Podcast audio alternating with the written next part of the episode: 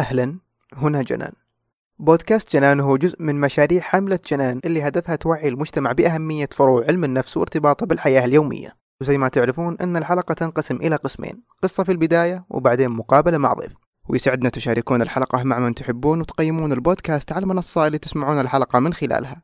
وعشان توصلكم حلقاتنا الجديدة اشتركوا في بودكاست جنان وشاركونا آراءكم على حسابنا على تويتر تلقونا في وصف الحلقة. وعشان ما أطول عليكم يلا نبدأ الحلقة. استماع ممتع. نورة طالبة علم نفس تطوعت في قسم بمجال الصحة النفسية وتعرفت بهذا المكان على شخص اسمه محمد.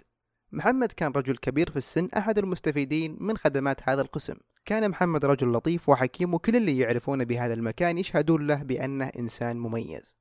محمد كان يحب يقرأ ويكتب شعر. قدر أنه يحفظ أجزاء كثيرة من القرآن. واسع الاطلاع ومتعلم لكن قصته ما نقدر نشارككم تفاصيل منها كثير عشان الخصوصية. كانت قصة حياة محمد صعبة. نقدر نقول إنها بدأت بتفكك وضغوط وعنف في صغره وأدت به للاضطراب. محمد أصيب بالذهان في سنوات شبابه الأولى. جراء تعاطي. وعانى من تخلي أسرته وأقاربه عنه. عاش سنوات كثيرة بدون منزل ودون تواصل. نورا شافت محمد وسمعت عنه وكانت تسمع له لما يحكي عن نفسه أو يومه. طوال فترة تطوعها لاحظت أن محمد كانت معاناته ما هي من الاضطراب نفسه بمعنى ما كانت شكواه اليومية من أعراض أو من أدوية أو من كونه شخص مختلف بل كانت شكواه من النبذ الاجتماعي ومن الإهانة والأذى اللي يحس فيه نتيجة أنه يعيش في سكن غير مستقل ملجأ ومن تبعات وضعه الاجتماعي والاقتصادي والأسري. انتهى تطوع نوره وانشغلت بالدراسة والحياة وبعد شهور عرفت أن محمد اختفى فترة لأنه ترك السكن وعاش في الشارع. بعدها أهمل أدويته وانتكست حالته وتنوم أكثر من مرة وخلال سنة صار محمد في العناية المركزة. اتصل الأخصائي بنورة وقال لها عن حالة محمد لأنها كانت تسأل عنه وقررت تكون بجانب محمد لما عرفت عن اللي صار وصارت تزوره وتتابع حالته مع الأطباء.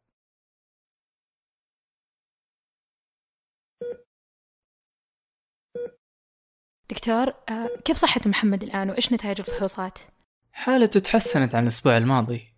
تعرفي فتحنا له فتحة للتنفس وننتظر الآن نتيجة الفحوصات بس عشان نتأكد من حالة الرئة. أما بالنسبة لحالة شلل الأطراف عنده وجدنا سببها إصابة في فقرات الظهر وكسر قديم تم إهماله واحتمال يكون له دور في تلف الأعصاب اللي تتحكم بأطرافه وللأسف ما أظنه بيستعيد القدرة على الحركة زي أول. الحين إحنا نعطيه مسكنات عشان يتحمل الآلام. وأيضا يأخذ مضادات الذهان وأدوية الضغط والسكر بس الحالة حالة الشلل الآن وضعه الصحي عموما ما هو وضع شخص طبيعي حاش حياة طبيعية وصار له كذا فجأة. فقاعدين نحاول نبحث عن تاريخه الطبي. هل عندك خلفية عن إيش حصل له بالضبط؟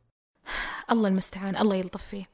زي ما قلت لك المرة الماضية دكتور أنا عرفت محمد خلال تطوعي في أحد المستشفيات اللي كان منوم فيها. وقتها عرفت أنه بلا مأوى وعائلته تخلت عنه وكان أصلا من طفولته يعيش ظروف قاسية. عانى من التفكك الأسري من يوم كان صغير ومن العنف أمور مرة كثيرة. لما كبر للأسف تعاطى وزاد الموضوع لين أصيب بالذهان. في النهاية أن ترك الوحدة بلا بيت ولا أسرة ولا أي شيء صار مشرد ويعيش ما بين أقسام الصحة النفسية وملاجئ خيرية. من يوم عرفته لاحظت فيه خصال طيبة بس الظروف اللي عاشها كانت صعبة. وفي الفترة الأخيرة تحديدا السنة الماضية طلع من الملجأ وعاش بالشارع وهنا تدهورت صحته إلين وصل عندكم بالعناية المركزة. لا حول ولا قوة إلا بالله. مؤلم اللي مر فيه. بس ليش طلع من الملجأ؟ آخر مرة شفته كان يشتكي من معاملة بعض الموظفين بالملجأ اللي كان فيه. تقريبا طلع وفضل يعيش بالشارع بسبب هالشيء. كان يقول إنه يكره الإهانة وان أحد يعامله بدونية. للأسف يا دكتور معاناته مو الهلاوس ولا الأعراض الذهانية. مشكلته من معاملة الناس له إذا عرفوا أن عنده مرض ذهاني. شيء بسيط مثل سكن مستقل ما عرفنا نوفر له. مو لأن الجمعيات الخيرية قليلة أو ما تقدر. الصعوبة كانت أنه ما في صاحب عقار يرضى يسكن عنده شخص فيه مرض ذهاني. واللي قبل يسكنه اشترط أمور كثيرة مثل مرافق ممرض وكان صعب نوفر هذه الأشياء. وأصعب منها إقناع أي أحد من أقاربه يحتوي ويسكن عنده. الله يلطف يا رب. وكان الله في عونه. يا رب شكرا لك دكتور. أشوفك الأسبوع الجاي. في أمان الله.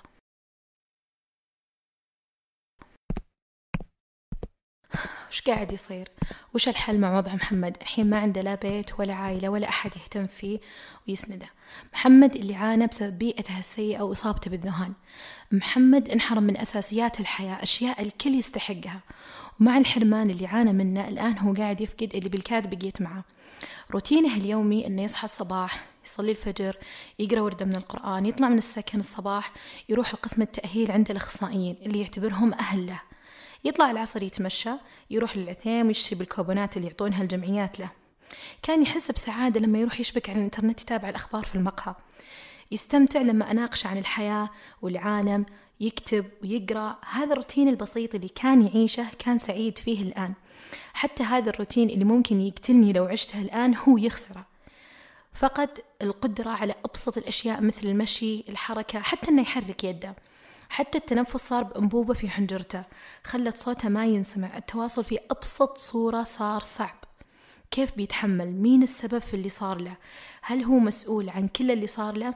طيب اللي سووه أهله في طفولته سبب انحرافه المعاملة السيئة في الملاجئ خلته يتركه ويعيش بالشارع. محمد كان مسؤول عن نفسه بس محمد ما أخذ حقه من الرعاية والتوجيه. اختيارات محمد ما كانت السبب الوحيد في اللي صار له.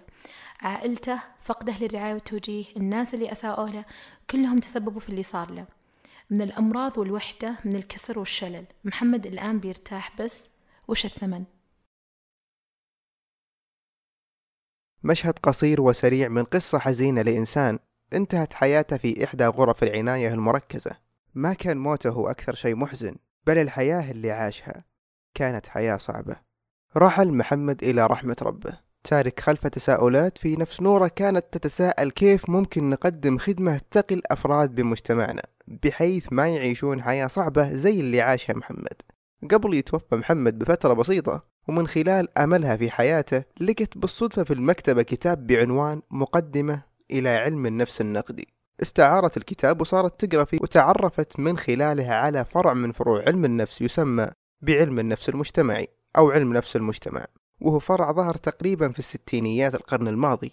هذا الفرع يعنى بفهم الإنسان في سياق تجمعاتهم والوقاية من المشكلات المعيشية واحترام التنوع البشري ومتابعة تحقيق العدالة المجتمعية. هذا الفرع يركز على التدخلات اللي ما تقتصر فقط على الفرد. يعني المتخصصين فيه يحللون المشكلات بمنظور واسع ويقدمون برامج ومشاريع بالتعاون مع متخصصين في مجالات أخرى وبالتعاون مع أفراد المجتمع نفسه لحل مشكلة تواجه شريحة معينة من الناس اللي غالبا تكون شريحة مهمشة وتعاني من شح في الموارد والفرص. كانت البداية نتيجة شعور بعض المعالجين النفسانيين في أمريكا بخيبة أمل من دورهم المحدود في حل المشكلات المجتمعية وكانوا يشوفون أن تركيزهم على التدخلات الفردية مو قاعد يساهم بشكل كبير في الحد من المشكلات أو في تخفيف تبعات مشكلات مجتمعية تؤدي بالفرد للمرض والمعاناة. في قصة محمد على سبيل المثال كان مو كافي إنه يحصل على الدواء للذهان ويتابع كل فترة مع طبيب أو أخصائي نفسي. في حالة محمد كان في نفي ونبذ اجتماعي وفقر ومحمد مو الرجل الوحيد اللي عاش كذا. في غيره تم التخلي عنهم ونبذهم نتيجة أمراض ذهانية ومشاكل تتعلق بالإدمان واللي كلها تكون مفهومة أكثر لو نظرنا للسياق الكامل. وقبل هذا كله كان في مشكلات أسرية وعنف لكن كيف كان ممكن نقدم شيء للحد من تفاقمها وتأثيرها على حياة الأفراد؟ بالتأكيد التدخلات على مستوى الأفراد غير كافية.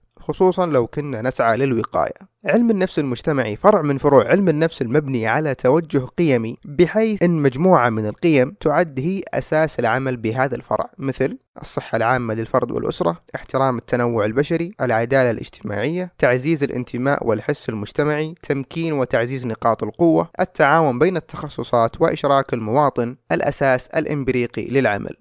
أكيد تتساءل عن دور أو شغل المتخصصين بعلم النفس المجتمعي. دورهم هو أنهم يسخرون المعرفة والعلم لتمكين الفئات المجتمعية المهمشة أو الفئات التي تعاني من مشكلات بسبب قلة الموارد. يعمل المتخصص على مساعدتهم من خلال تدريبهم وتمكينهم والعمل على نطاق أوسع من التدخلات الفردية لحل المشكلات البيئية ومساعدتهم في تولي زمام أمورهم. ويركز العاملون بهذا الفرع على الجانب الوقائي. يشتركون بذلك مع مجال الصحة العامة. أيضا المتخصصون في علم النفس المجتمعي يشتغلون على البحوث التي تؤدي إلى تغيير الواقع وهم بذلك يختلفون عن الفروع النظرية التي تسعى لفهم الظواهر.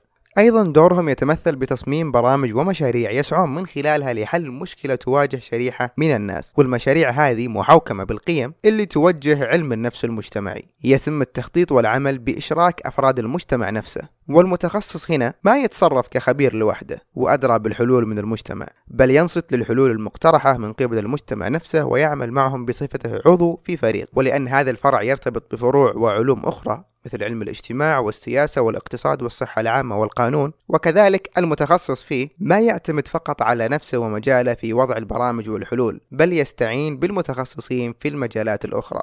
ولا يكتفي المتخصص بالعمل على مساعدة الفئات المجتمعية المهمشة من خلال تمكينهم ومساعدتهم بل أيضا يعمل على التأثير في السياسات العليا والتغيير الاجتماعي الإيجابي لحل تلك المشكلات وتحقيق العدالة.